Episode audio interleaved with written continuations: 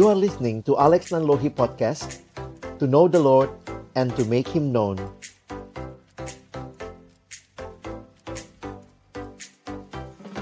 Berdoa Sungguh ya Tuhan firman-Mu adalah firman yang hidup dan yang menghidupkan. Firman yang kudus dan yang menguduskan hidup kami.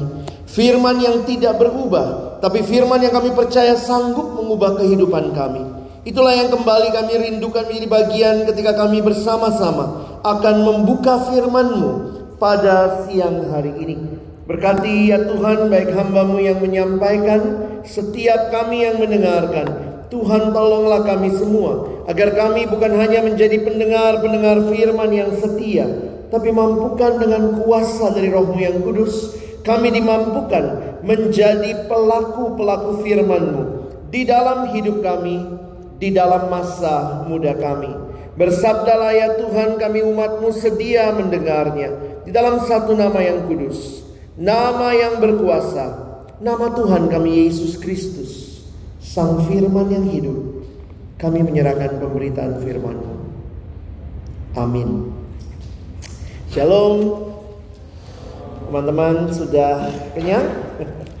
Saya harap sih ini waktu-waktu perjuangan berarti ya Habis makan biasanya kenyang, eh ngantuk ya Jadi mari saling menjaga Cuma dua kemungkinan Kalian tertidur atau saya yang tertidur Ya kita akan sama-sama melihat um, bagian saya yang kedua adalah saya ingin bicara sedikit tentang identitas kita.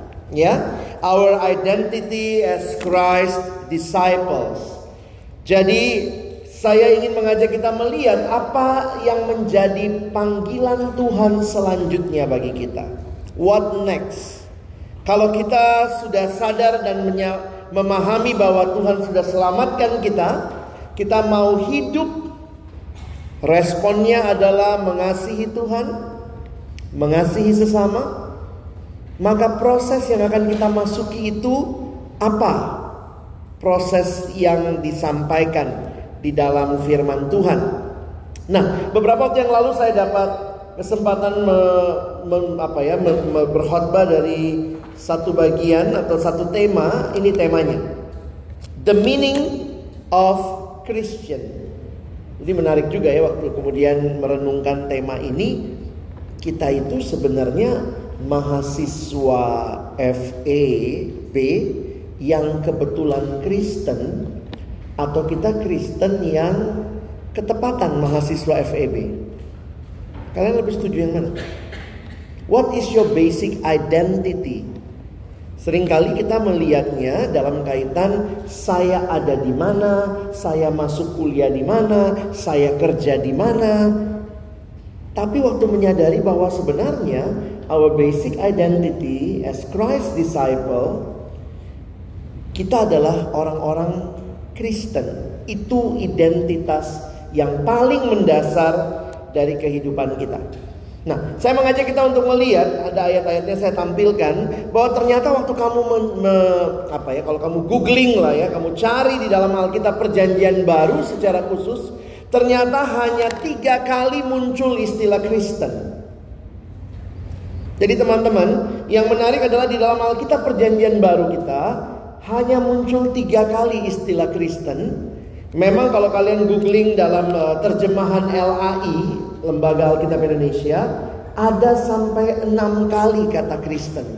Tapi di dalam bahasa aslinya istilah Kristen hanya muncul tiga kali. Pertama kali muncul di sini. Kita baca sama-sama ayatnya ya.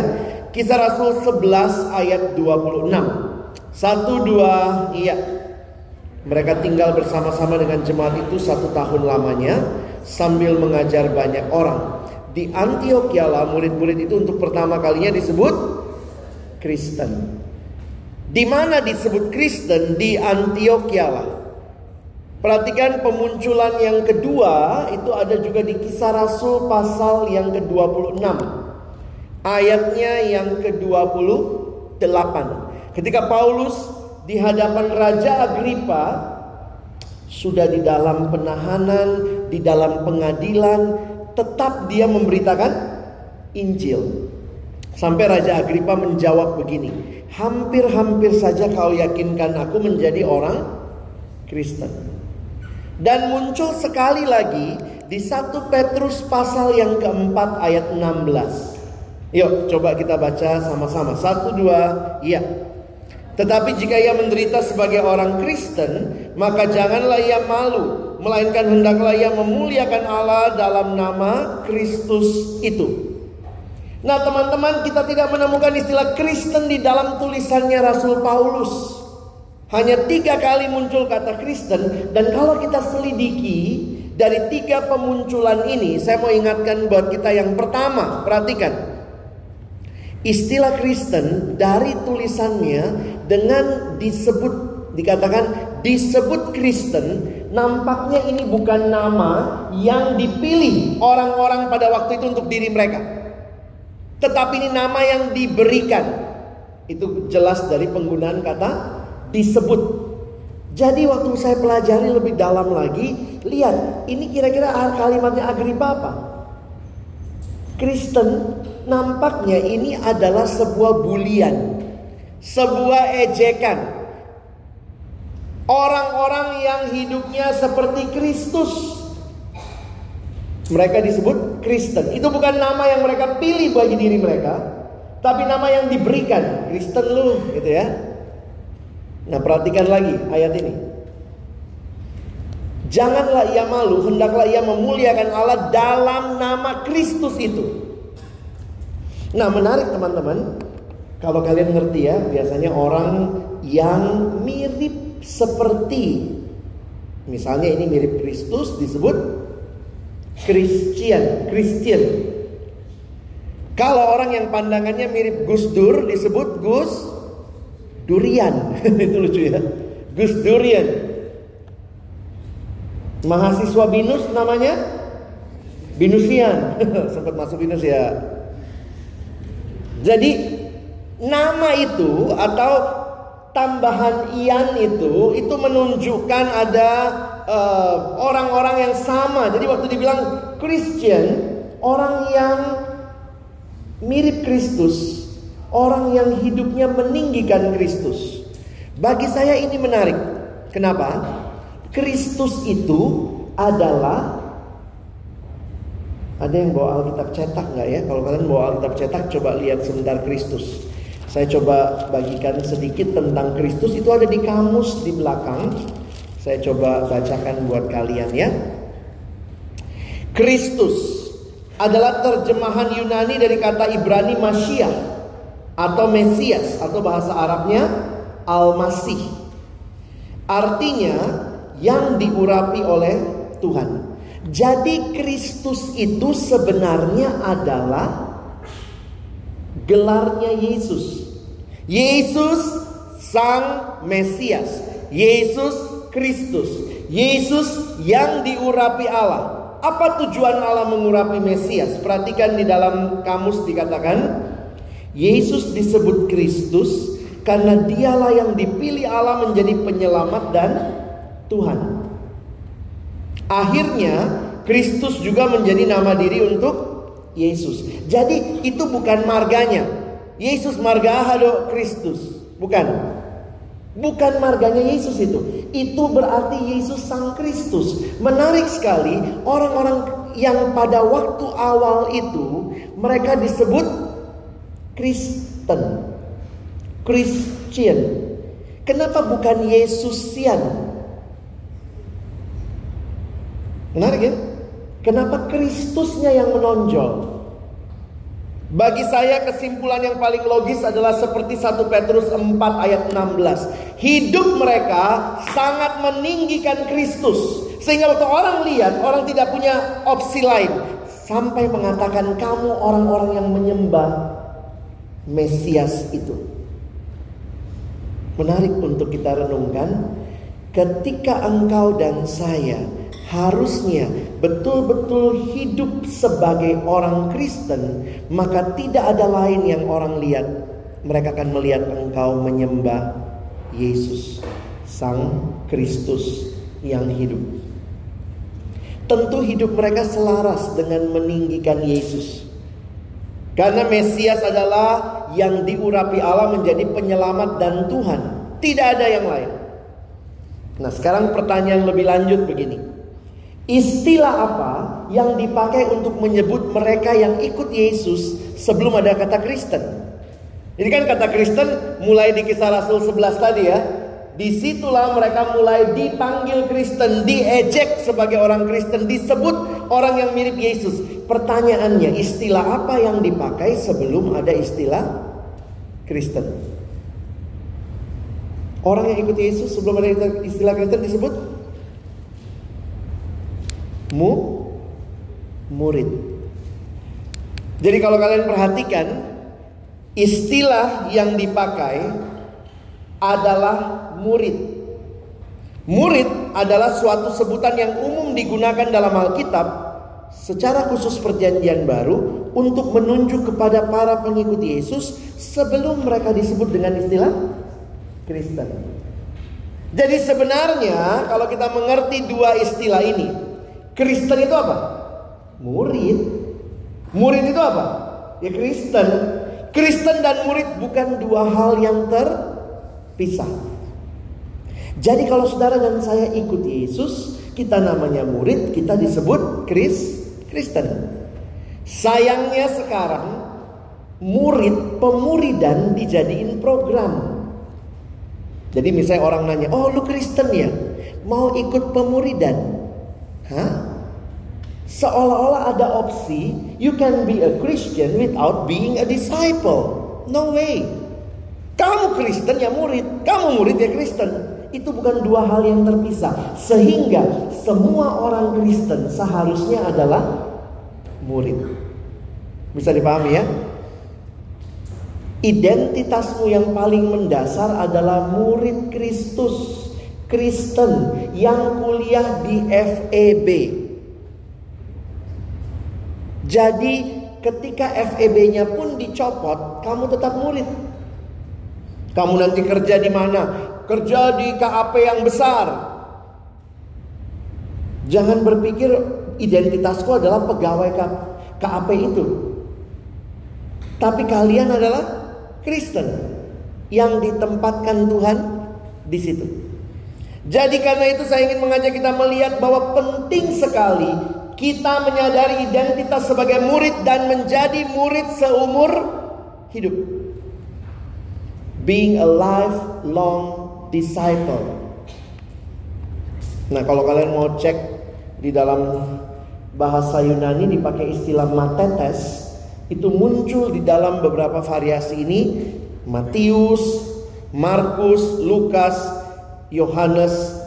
Jadi empat Injil tidak ketemu kamu istilah Kristen karena mereka baru disebut Kristen di Kisah Rasul pasal 11. Nah, ini sekali lagi menunjukkan kepada kita bahwa panggilan dasar bagi setiap orang yang sudah terima Yesus, your identity adalah sebagai murid Kristus. Oke? Okay? Nah, sekarang saya belum tulis di slide tapi saya ingin mengajak kita. Apa sih murid? Apa yang paling dasar dari seorang murid?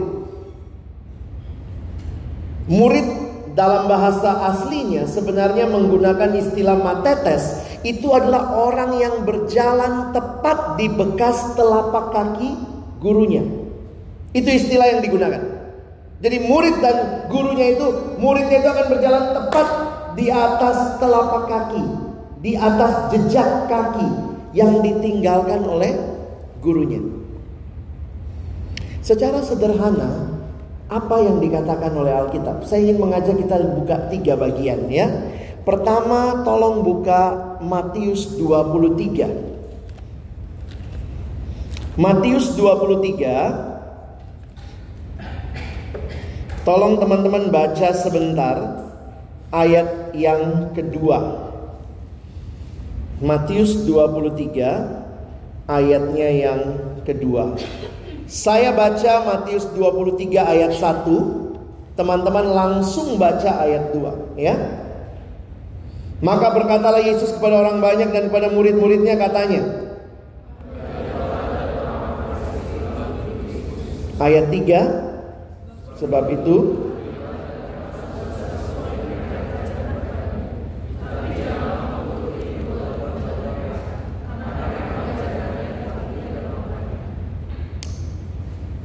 Dulu saya pikir Yesus nggak suka sama sekali sama orang Farisi.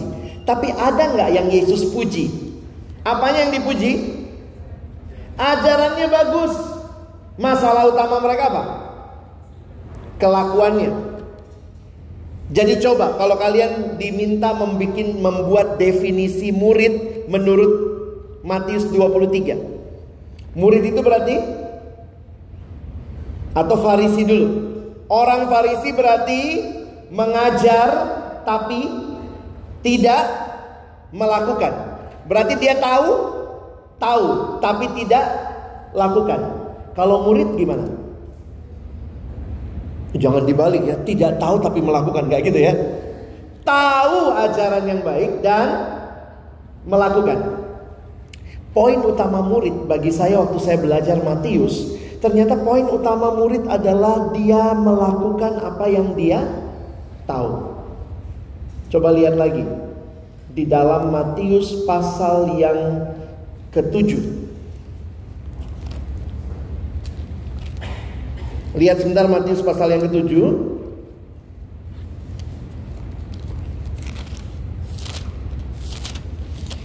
Mari lihat ayat 24 sampai ayat yang ke-27. Yuk kita baca sama-sama ya. Matius pasal 7 24 sampai 27, saya baca 24, kalian baca 25, kita bergantian sampai 27. Dua macam dasar. Setiap orang yang mendengar perkataanku ini dan melakukannya, ia sama dengan orang yang bijaksana yang mendirikan rumahnya di atas batu.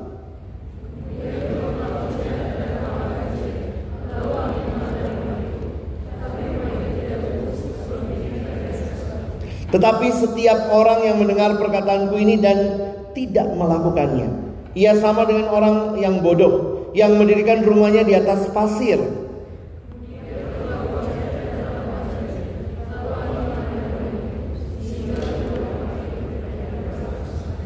Ini adalah bagian penutup dari khotbah di bukit. Kalau kalian baca khotbah di bukit mulai dari Matius pasal 5 sampai Matius pasal 7. Jadi setelah Yesus berkhotbah begitu panjang, khotbah di bukit, maka dia tutup ini dengan dua ilustrasi. Dia tutup dengan dua respon. Dia tutup dengan penggambaran dua macam orang. Coba lihat, ada orang yang bagaimana di situ? Ada dua macam orang. Orang yang apa dan yang apa? Hmm? Jangan bilang yang membangun rumah itu ilustrasinya. Orang yang bijaksana dan bijaksini. satu bijaksana, satu bijaksini. Yang bodoh. Apa persamaan keduanya? Sama-sama bangun rumah, jangan dulu kebangun rumah ya. Sama-sama men mendengar, sama-sama mendengar. Satu melakukan makanya disebut bijaksana. Yang satu tidak melakukan, disebut bodoh. Jadi satu waktu, waktu saya perhatikan ini, wah Tuhan Yesus sudah memberikan gambaran. Ada dua macam orang. Kamu mungkin dengar firman, berkali-kali dengar firman dari kecil, mungkin kalau kamu Kristen dari kecil. Tapi pertanyaannya, kamu orang bijaksana atau orang bodoh? Ada satu teman uh, adik adik yang dulu saya bina dalam kelompok kecil, udah lama nggak kontak, tiba-tiba kontak, halo bang, apa kabar?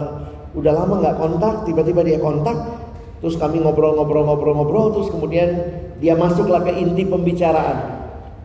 Ternyata dia cuma mau nanya, kak, aku lagi naksir cewek nih, sekantor, cantik, udah bareng gitu ke mana-mana gitu ya. Terus kemudian dia kayak minta persetujuan dari pembimbing rohaninya. Gue tembak aja nggak kak? Ya, saya bilang ya udah kalau nggak ada yang masalah ya tembak aja ya nanti ceweknya mati dah gitu ya. Ya udah tembak aja. Tiba-tiba dia ngomong, tapi itulah kak masalahnya. Apa masalahnya? Dia bukan orang Kristen. Jeng jeng.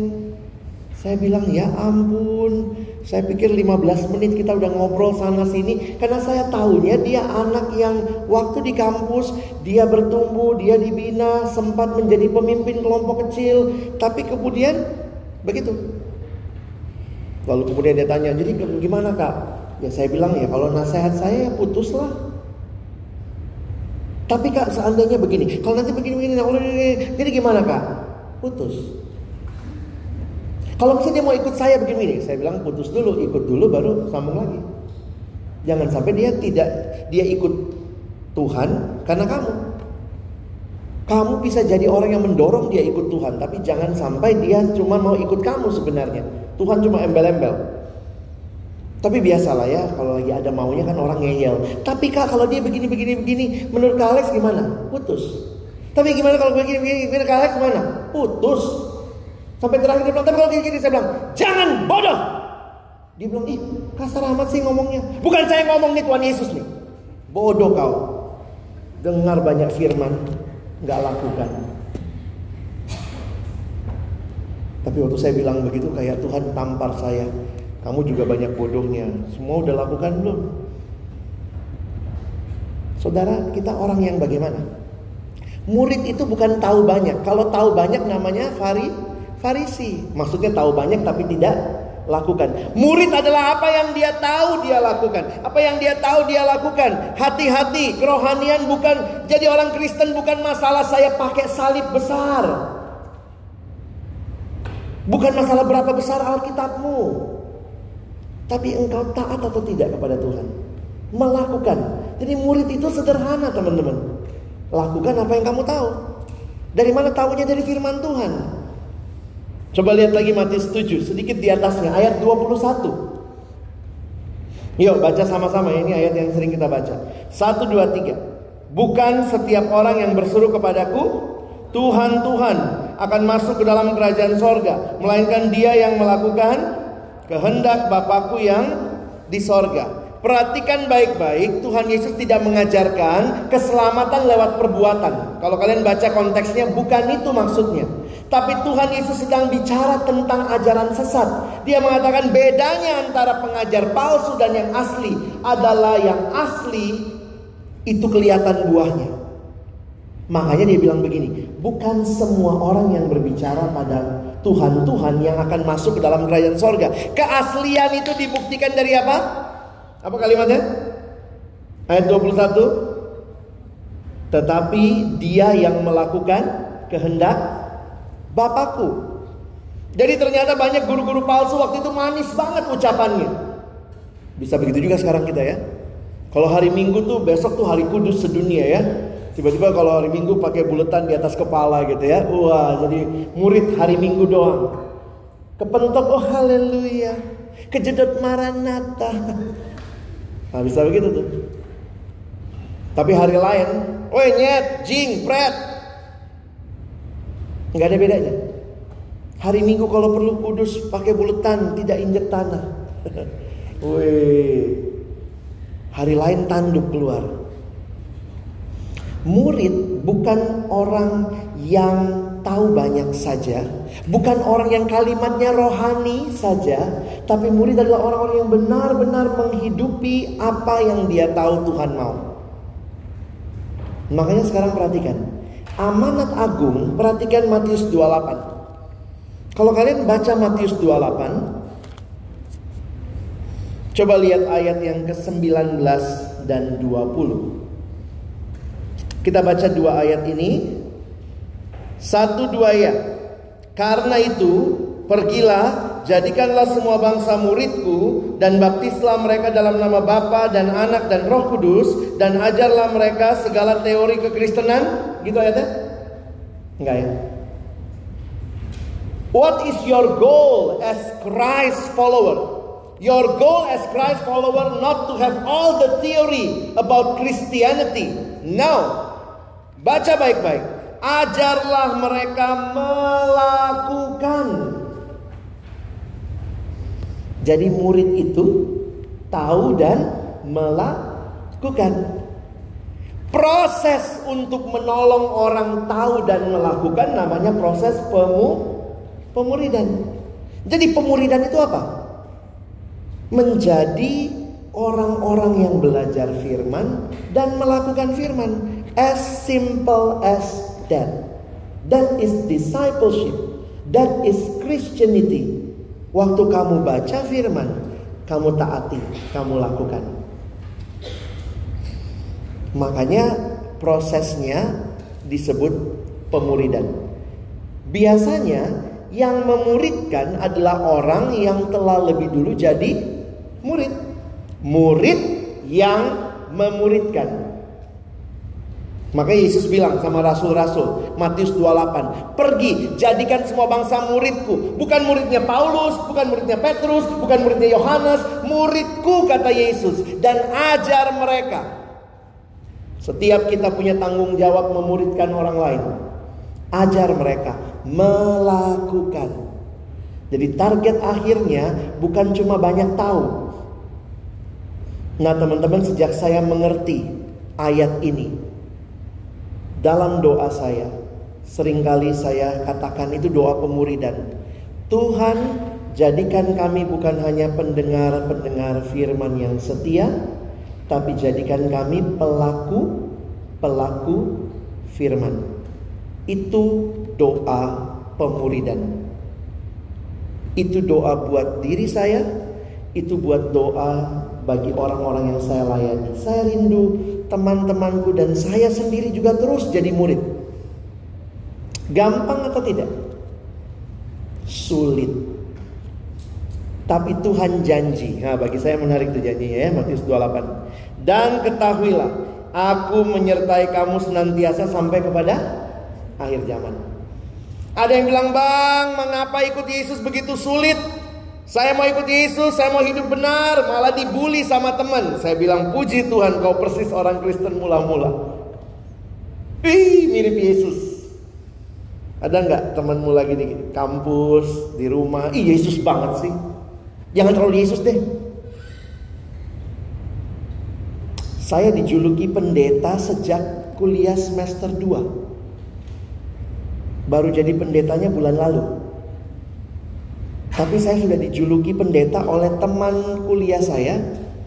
Dia bukan Kristen, dia sering main ke kosan saya. Sering main, sering belajar bareng, nginep di kosan saya. Saya dulu kos di daerah Margonda, Gang Pepaya. Teman saya ini seneng nginep di kosan saya, rumahnya pasar minggu. Jadi pikir-pikir kenapa sih suka, tapi dia seneng lah kalau mau belajar bareng begitu ya.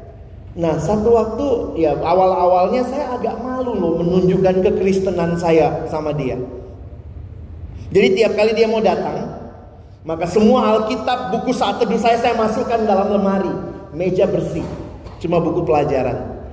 Kayaknya ngapain sih nunjukin gua Kristen-Kristen amat gitu ya. Itu saya semester 1 2 ya. Tiba-tiba waktu dia di kosan saya dengan santainya, "Lex, gue mau sholat." Iya, uh, saya malah tunjukin lagi, noh kiblatnya sono. Dan waktu dia sholat di kamar saya, saya jadi mikir gini, kalau dia lagi nginep, saya saat teduhnya tuh buru-buru. Saya saat teduh kalau dia lagi mandi. Kalau dia mandi, saya saat teduh tuh. Air berhenti, saya berhenti. Cepet masukin lagi, nggak mau kelihatan. Dia sholat di kamar gua. Saya duduk begini kelihatan dia sholat. Kamar-kamar gua, gua ibadah malah gua yang ngumpet-ngumpet. Akhirnya saya dapat kekuatan. Tidak, saya keluarinlah Alkitab saya, saya taruh di situ ya. Maksud saya ini kamar-kamar gua kok gitu ya. Dan waktu kemudian dia, ih apaan tuh Lex? Oh ini buku, oh itu Alkitab ya, gue lihat ya. Dia lihat-lihat, malah terjadi percakapan. Ih kok ada perjanjian lama, ada perjanjian baru, jadi PA gitu sama dia, kasih tahu ya gitu ya. Terus udah gitu ngobrol, Terus dia lihat buku renungan. Ini apaan? Ini renungan. Gimana pakainya? Ya pagi-pagi ya gue baca renungannya, ayatnya dari mana, gue baca Alkitabnya, nanti gue merenungkan, lalu kemudian gue. Jadi saya training satu dulu buat dia gitu ya. Dan sejak hari itu dia bilang, gila lu ya, lu pendeta ya. Saya dipendetakan semester 2. Teman baik saya ini dulu saya juga mahasiswa baru, saya anak daerah teman-teman, anak kampung, takut kehilangan teman. Zaman kami itu, saya karena anak daerah, jadi digadang-gadang begitu, akhirnya saya jadi ketua kelas.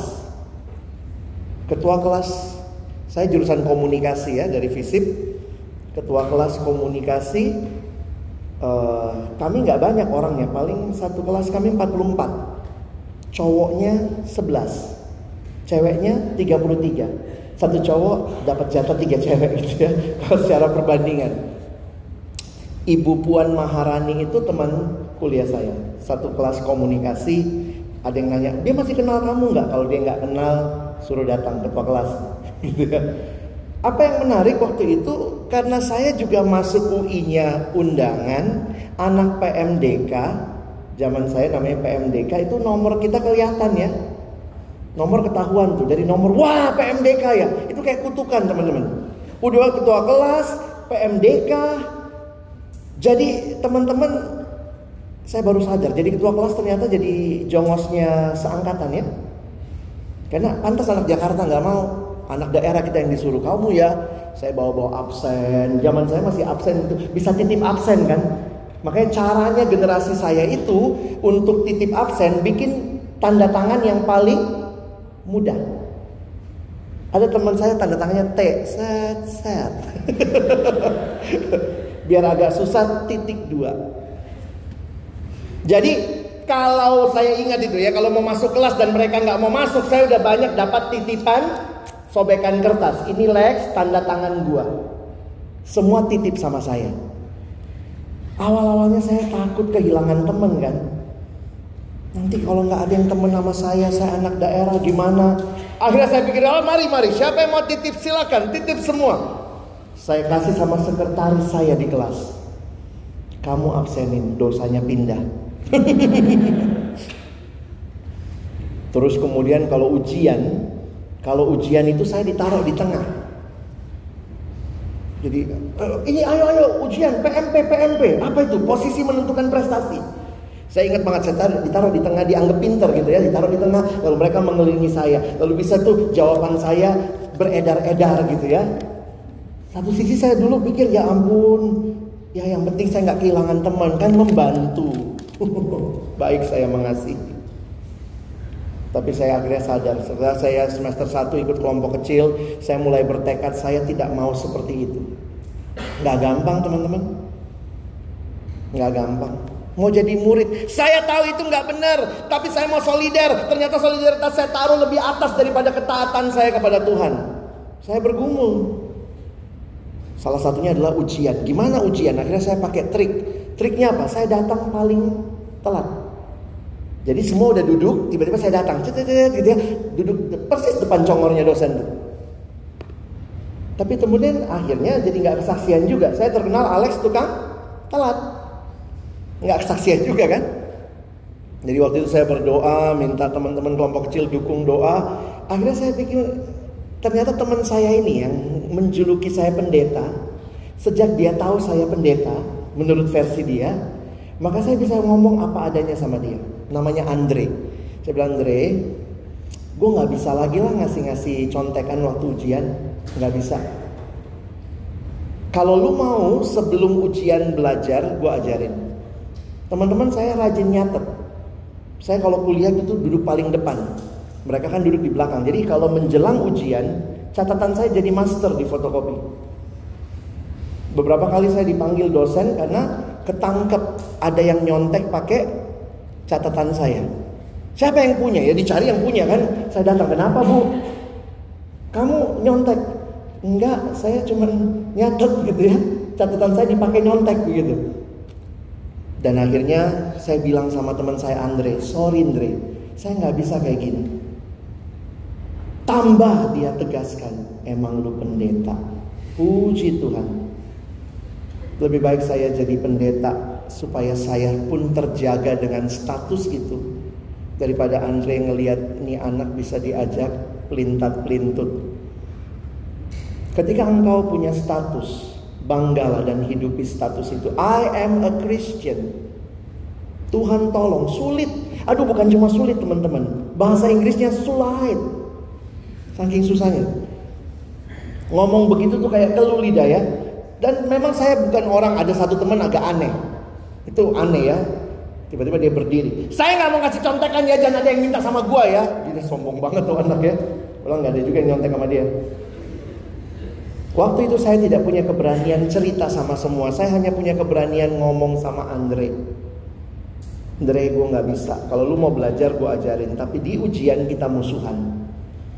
Teman-teman tahu apa yang terjadi? Ketika saya punya kerinduan seperti itu, Tuhan pakai Andre jadi spokesperson saya. Jadi kalau ujian orang bilang, Alex duduk sini, duduk sini. Andre akan ngomong, udah nggak bakalan. Dia nggak mau ya, ada PR saya. Tapi saya melihat iya ya Tuhan tolong. Saya masih pengecut. Saya masih takut ngomong sama teman-teman gue nggak mau. Tapi Tuhan pakai Andre. Andre lebih berani. Enggak, dia nggak mau. Tapi akhirnya saya belajar. Tidak mudah jadi murid yang mau hidup dalam kebenaran. Tahu kebenaran. Dan tahu bahwa itu harus dilakukan. Saya tidak tahu tantanganmu apa. Ini kampus baru buat kalian adik-adik angkatan baru. Bagaimana tantanganmu jadi murid? Tapi bersyukur Tuhan berikan proses itu. Kenapa? Kalau kau tidak belajar jadi murid dari sekarang, jangan heran ke depan kau pun tidak akan sungguh-sungguh hidup jadi murid. Banyak orang Kristen mempermalukan nama Tuhan.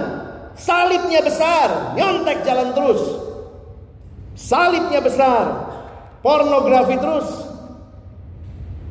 Kekristenan bukan simbol, tapi kehidupan yang melakukan apa yang saya tahu. Tahu dari mana? Dari firman Tuhan. Karena itu waktu Yesus bicara pemuridan, Yesus tidak iming-iming, ayo ikut aku, ikut pemuridan, nanti enak loh. Kalau ulang tahun dikasih kado sama PKK-nya, oh nanti ya kan biasa gitu kan kalau di kampus, ayo ikut pemuridan di, di kampus ini kan ada banyak sarana pemuridan ya. Salah satunya kelompok kecil. Ada yang nanya sama saya, Bang apa sih kelompok kecil itu? Ya, kelompok kecil adalah kelompok yang tidak terlalu besar. Susah amat sih. Yesus waktu datang ke dalam dunia pun, dia memuridkan dalam sebuah kelompok yang kecil. Yesus nggak memuridkan seluruh dunia ya. Berapa muridnya? 12. Satu bandel. Makanya kalau ada yang nanya, Bang, bagusnya satu kelompok kecil berapa orang? Yesus berapa? 12. Lu Yesus bukan? Bukan, Bang. Turunin. Kebanyakan nanti lu suffering gitu ya. Kenapa? Karena prosesnya terjadi, pemuridan terjadi. Nah, ada bagian yang saya mau bagikan buat kita. Coba kita les bahasa Inggris dulu ya. Yuk, can you repeat? can you read Let us read together. Satu dua. Jesus doesn't simply calls us to believe that he existed or even to believe that he can save us. He calls on us to commit our whole life to him, to trust him alone for our salvation, and then to follow him as his disciple. Teman-teman ingat baik-baik. Terima Yesus, diselamatkan, berdiri KKR. Oh, saya buka hatiku terima Yesus, saya mau tinggalkan dosa. That is not the end of your Christian life. That is just the beginning. Karena ketika engkau sudah terima Yesus, maka Tuhan panggil engkau ikut dia. Dan kalimatnya luar biasa. Lalu Yesus berkata kepada murid-muridnya, "Setiap orang yang mau mengikut Aku, ia harus menyangkal dirinya, memikul salibnya, dan mengikut aku. Tuhan Yesus kita ini bukan Tuhan yang cuma sekedar panggil-panggil orang. Tapi dia memanggil kita untuk ikut dia. Kita akan lihat tiga kalimat ini, tiga frase ini. Apa yang dimaksud supaya kalian tahu the cost of discipleship. Apa harga pemuridan? Deny yourself, take up your cross, and follow me. So, discipleship, the path to knowing and following Jesus. Kita mulai yang pertama. Apa artinya menyangkal diri? Saya pikir menyangkal diri bukan menyangkali dirimu, bukan. Dalam arti begitu ya. Oh, saya bukan Alex, saya bukan Alex, saya bukan Alex. Itu mah gelo. Gila. Enggak. Menyangkal diri berarti apa? Sesuatu yang saya sangat inginkan, Tapi saya tahu itu bukan yang Tuhan mau. Saya berkata tidak kepada keinginan saya dan berkata ya kepada keinginan Tuhan. That is deny yourself. Tuhan saya pengen banget nyontek supaya bagus nilai saya. Tapi Tuhan tidak mau, saya menyangkal diri. Saya pengen banget pornografi Tuhan, asik nontonnya, masturbasi, puas, nikmat. Tapi bukan itu yang Tuhan mau. Kau berkata tidak kepada hawa nafsu dan berkata ya kepada Tuhan. Kadang-kadang nggak gampang. Sekali lagi ini sulit. Dunia selalu bicara you deserve it, you deserve it. Karena itu David Platt mengatakan kalimat ini. We are settling for a Christianity that revolves around catering to ourselves. Ini kekristenan yang ditawarkan dunia. When the central message of Christianity actually is actually about abandoning ourselves. Hati-hati. Bahkan kekristenan saat ini adalah kekristenan akulah pusatnya, akulah pusatnya. Karena kekristenan yang sejati yang Yesus tawarkan bukan kita pusatnya, dia pusatnya. Kita harus sangkal diri. Bukan apa yang aku mau. Orang yang menyangkal diri adalah orang menyerahkan kendali hidup sepenuhnya kepada Tuhan. Dialah Tuhan yang sesungguhnya. I am not the master. He is the master. Jadi Yesus Kristus adalah tuannya. Jadi ini yang kita mesti pahami waktu bicara tentang apa artinya menyangkal diri. Yang kedua, pikul salib. Pertanyaan saya begini, apakah Yesus pikul salib atau apakah Yesus sudah disalib waktu dia bicara Matius 16 ini? Belum ya? Yesus kan disalibnya baru belakangan. Jadi di Matius 16 ini apakah Yesus memberikan nubuat, "Oh, aku akan disalib"? Tidak. Bukan cuma Yesus yang disalib. Saya harap kita jelas ya. Jangan pikir cuma Yesus yang disalib sepanjang sejarah. Tidak. Pada waktu itu, orang Roma punya hukuman penyaliban. Hukuman penyaliban ini hukuman yang umum pada waktu itu. Orang Roma hanya menyalibkan orang-orang yang bukan warga negara Romawi. Kalau dia warga negara Romawi, hukuman matinya adalah penggal. Makanya kalau kalian belajar sejarah gereja, Yesus disalib karena Yesus orang Yahudi, bukan warga negara Roma.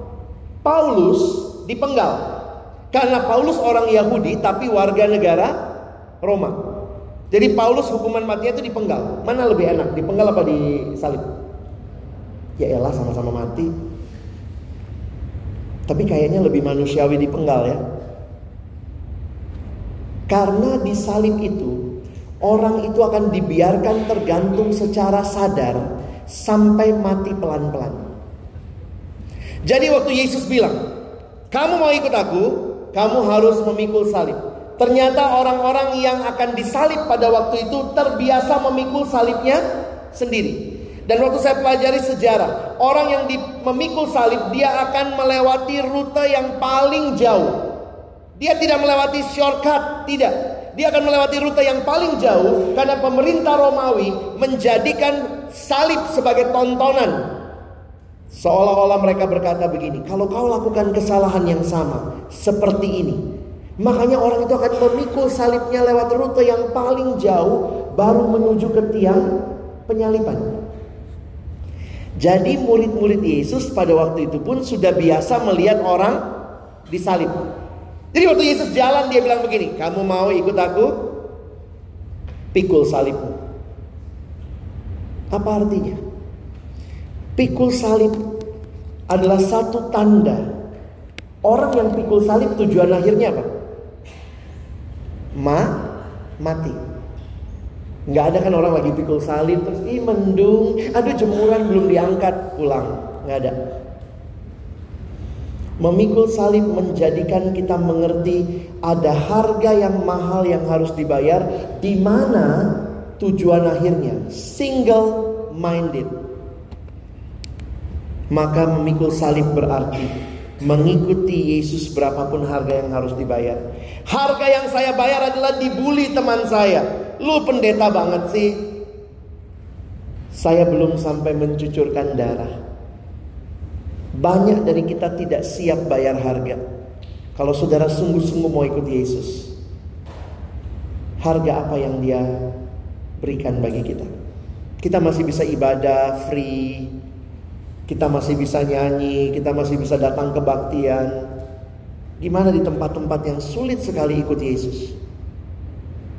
Kadang-kadang kita yang free ini tidak menghargai pengorbanan Kristus. Sangkal diri, mengatakan tidak kepada keinginanku dan ya kepada keinginan Allah. Pikul salib, berapapun harganya saya akan bayar. Karena apa? Tuhan kau sudah berikan nyawamu bagiku. Apa sih yang tidak aku berikan kepadamu? Dan terakhir, ikut aku. Jangan sangkal diri pikul salib ikut dunia, gak klop. Di beberapa Injil yang lain dikatakan mengikut aku setiap hari. Ada kata setiap hari. Jadi ada satu ketekunan, ada satu perjalanan yang terus mengikut Tuhan. Gampang nggak sih ikut Tuhan? Dalam Matius 10 kita baca sebentar ya. Ayat 37 sampai 39. Coba hayati. Satu dua iya. Barang siapa mengasihi bapaknya atau ibunya lebih daripadaku, ia tidak layak bagiku. Dan barang siapa mengasihi anaknya laki-laki atau perempuan lebih daripadaku, ia tidak layak bagiku. Barang siapa tidak memikul salibnya dan mengikut aku, ia tidak layak bagiku.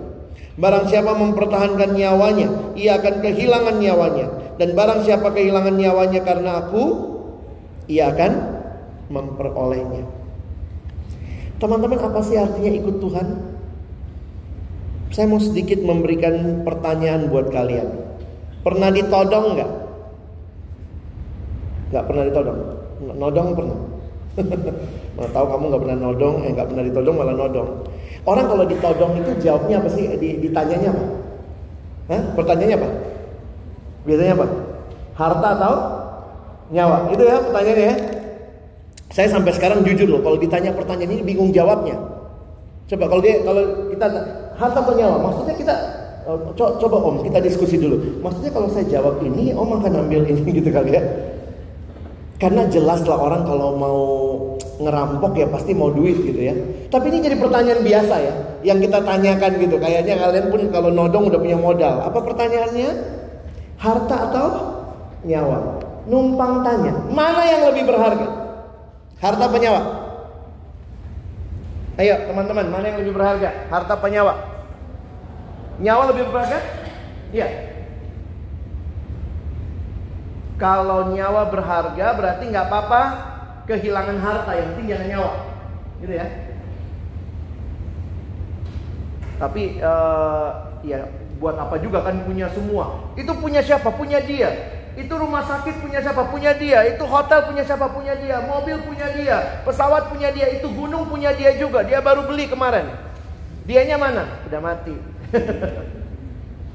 Jadi kalau ditanya harta atau nyawa kalian pilihnya apa? Nyawa ya. Tapi punya nyawa nggak punya harta sedih juga ya. Makanya makanan kami yang secukupnya ya. Harta sama nyawa mana lebih berharga? Nyawa. Setuju ya? Sekarang pertanyaan saya. Jawab dalam hati. Nggak usah jawab dengan mulutmu. Mana lebih berharga? Nyawa atau Yesus?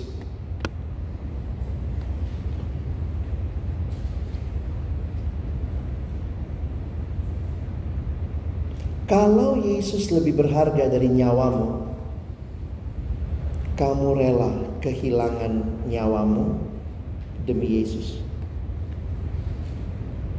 Waktu saya pelajari panggilan Yesus ini untuk ikut dia, jujur teman-teman, ini lebih gila dari ISIS, lebih radikal. You want to follow me?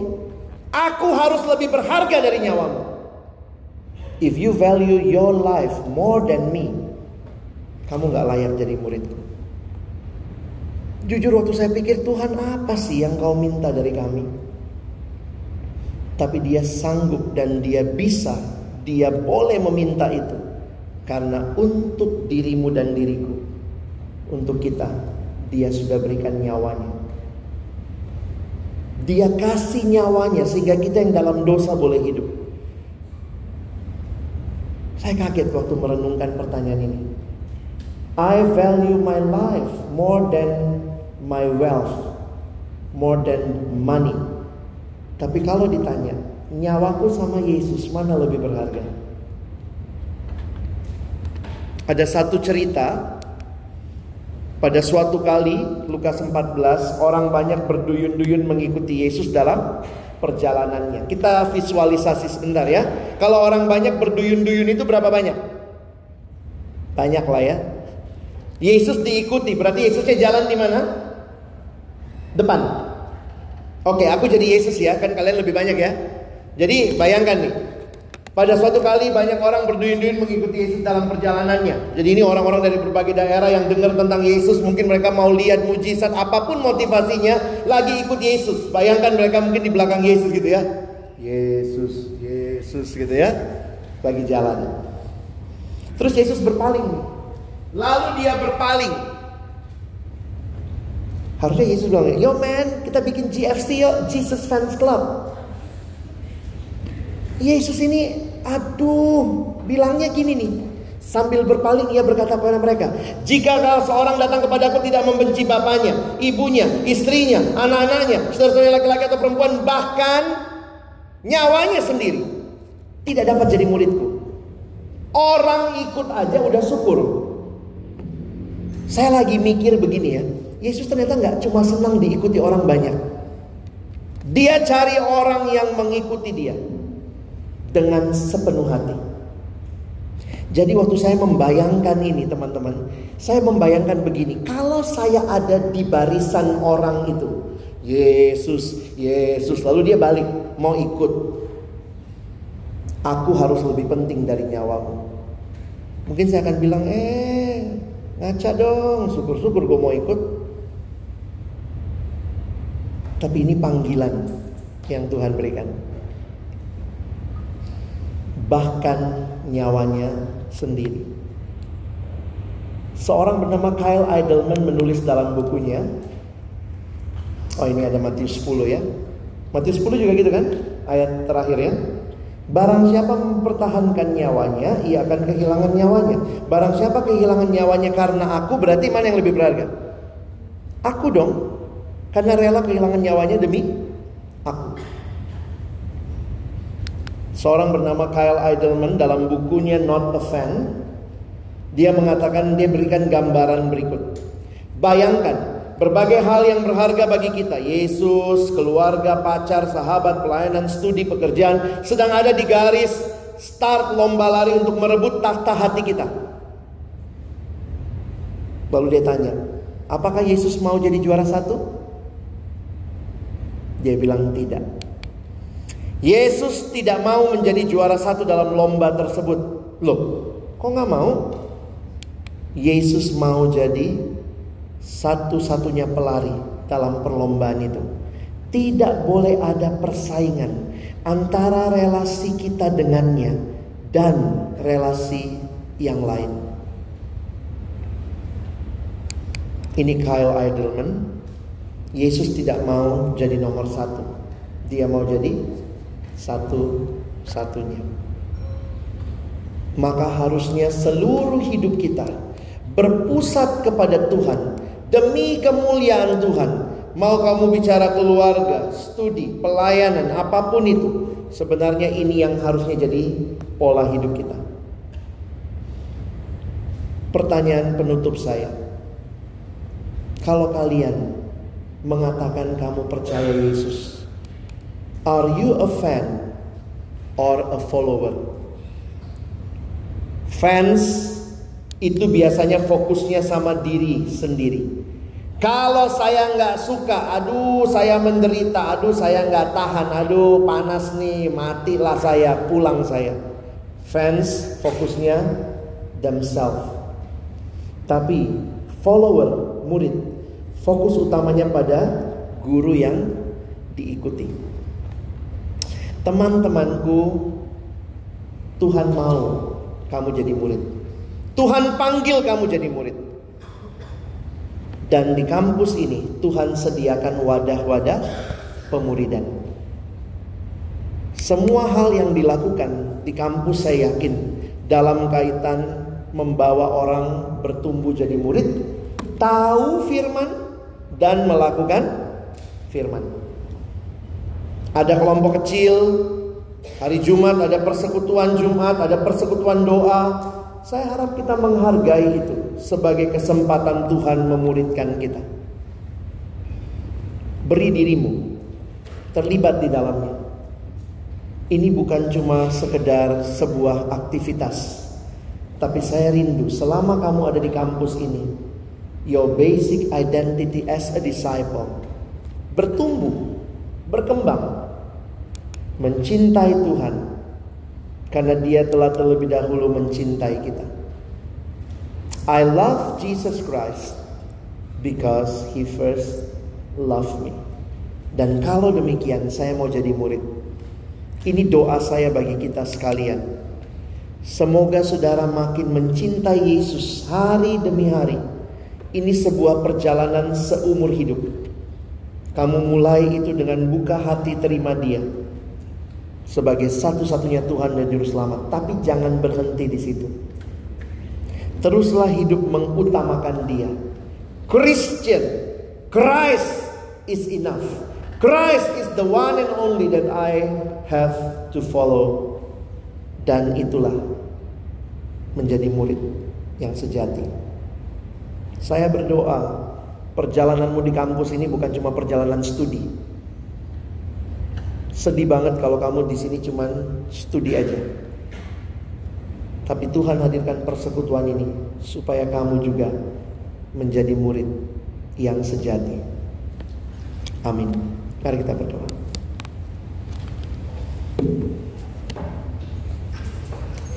Bapa di dalam surga kami bersyukur buat kesempatan merenungkan firman-Mu.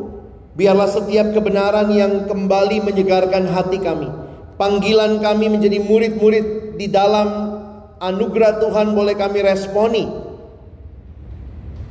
Tolong kami. Setiap hari. Sangkal diri. Pikul salib. Dan ikut Yesus Biarlah pilihan-pilihan hidup kami, pilihan-pilihan kegiatan kami di kampus ini, pilihan-pilihan terhadap semua hal yang kami hadapi menyatakan bahwa sungguh Yesus engkau lebih berharga dari segalanya bahkan dari nyawa kami. Tolong kami merenungkan hal ini sepanjang hidup kami. Tolong kami meresponi dengan syukur, memberi diri, terlibat di dalam berbagai proses pemuridan yang Tuhan izinkan ada di kampus ini.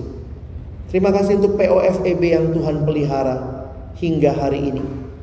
Kami percaya di dalamnya Tuhan terus bekerja menghasilkan murid-murid bagi kemuliaan Allah. Kami mohon sekali lagi Jadikan kami bukan cuma pendengar-pendengar firman yang setia. Kami mau jadi pelaku-pelaku firman. Jadi murid-murid, jadi orang Kristen yang sungguh-sungguh hidup memuliakan Tuhan. Dalam nama Yesus kami berdoa. Amin.